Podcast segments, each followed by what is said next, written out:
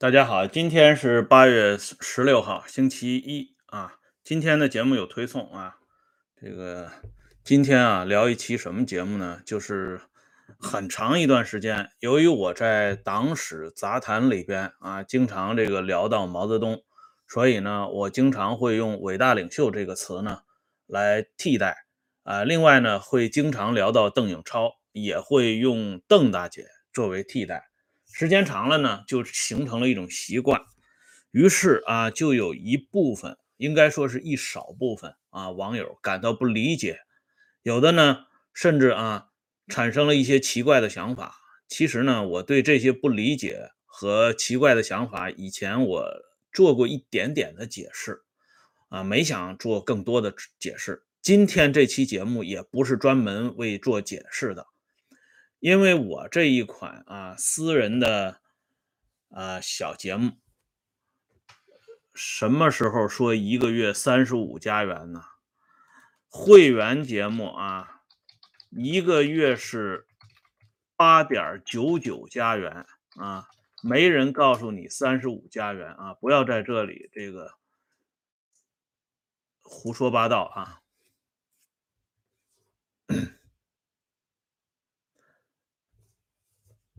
好了，回到刚才的这个正题儿啊，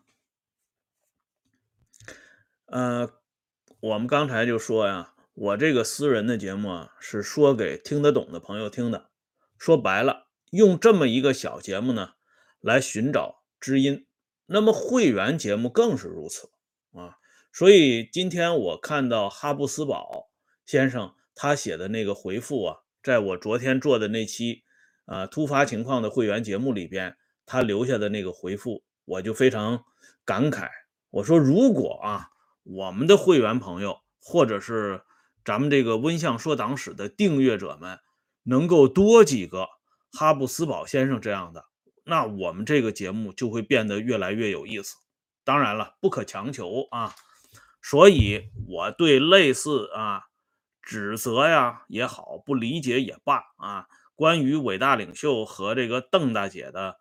这些东西呢，我是不做解释的。但是今天这期节目说出来呢，主要是为了让大家更了解一下当年毛泽东说过的一句名言：“政策和策略是党的生命。”为什么这么说？为什么他到了一九四八年，当革命快要胜利的时候，他说出这样一番话？那是因为经过二十多年的摸爬滚打。他们终于找到了一条非常成熟的经验，啊，光有高大上的目标不行，还要有足够的手段。没有足够娴熟的手段，你这件事情一样做不成。正人君子怎么样？正人君子也没有规定一扎堆儿革命就成功了。哎，天底下的那些教条。都是给愚蠢的人准备的，怎么就叫一声伟大领袖，叫一声邓大姐，就是跟人家赵家人攀亲了吗？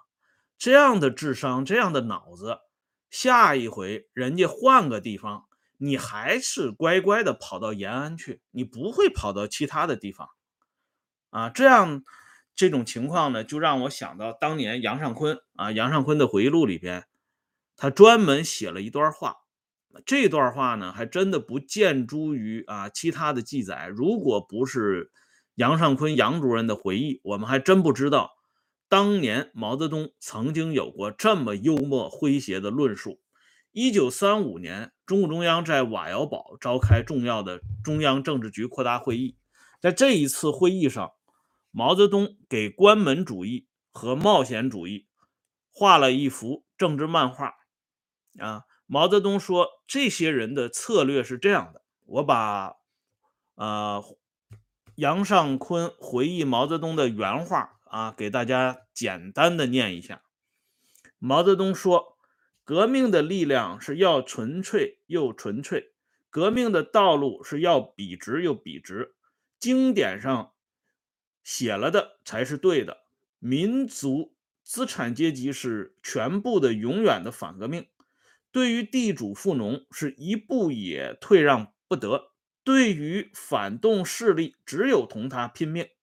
如果同蔡廷锴握手的话，那必须在握手的瞬间骂他一句反革命。哪有猫儿不吃油？哪有军阀不是反革命？因此，结论是：关门主义是唯一的法宝，统一战线是机会主义的策略。啊，这是毛泽东当初讽刺那些教条们的这么一段话，讽刺的非常到位。啊，说实话，后来呢，老邓有过那么一句话啊。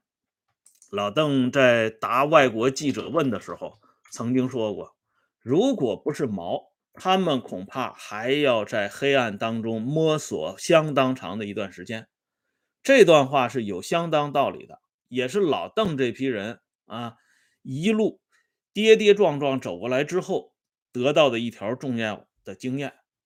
确实是啊，如果没有这么一个会这个。把这个政策和策略很好的融汇在一起的这么一个领路人，他们不会那样啊，就拿到了天下，更不会做的那么晚。所以从这个例子里边，我们就可以看到事物是变化的，不是凝固不动的啊。如果仅凭一个口号或者一个称呼就来断定这个人的取向，这是非常幼稚可笑的。因为今天已经是二十一世纪了。啊，那么之前我曾经做过一期节目，叫邓世昌啊，为什么躲不开第三颗鱼雷啊？躲不开三颗鱼雷，这个节目呢，大家可以搜一下。那么眼下呢，前两颗鱼雷都已经遁迹了啊，因为大概率不需要人家出来了。那么现在呢，很多民间人士在力挺第三颗鱼雷，所以我就。想做今天这一期视频的原因也就在这里啊，这就是那些啊觉得人家叫一声伟大领袖，叫一声邓大姐，他们就是啊怒从心头起，恶向胆边生啊，简直是怒不可遏了。那么你怎么可能躲开第三颗鱼雷呢？站在致远舰上的这些战士们啊，满腔热情的欢呼。第三颗鱼雷，有人告诉他这是吉野号发向我们的第三颗鱼雷，可是战士们说这不是鱼雷，这是给我们送来的弹药啊！确实是给你们送来的弹药，送你们上西天的弹药啊！而他们的这些问题呢，都在毛泽东刚才在瓦窑堡会议上讲的那些要点当中了。哎，所以。今天有的朋友在推特上问我为什么就那么？你从毛泽东啊当年讲的话里边就可以找到答案：一是关门主义，二是冒险主义。脑子只有一根筋，绝对不会拐弯。革命的道路要多笔直有多笔直，革命的同盟要多纯粹有多纯粹啊。说一声，其他的都是自己的敌人，啊，就这么简单。好了，今天呢，咱们这期时事感怀说的短一点，因为一会儿呢还会有党史杂谈，所以过多的话我们就不费力的解释了，解释多了也没意思啊。如果感兴趣的话，朋友们可以去看一下那个三款鱼雷的这个视频，放了很久了啊。好了，感谢朋友们上来支持和收看，欢迎大家关注“温相说时政”会员频道啊！这个会员频道每个月的月费是八点九九加元。再说一遍，这个月费不是交给温相本人的，是交给油管的啊！千万不要以为是交给我的啊，我没有拿到这笔钱。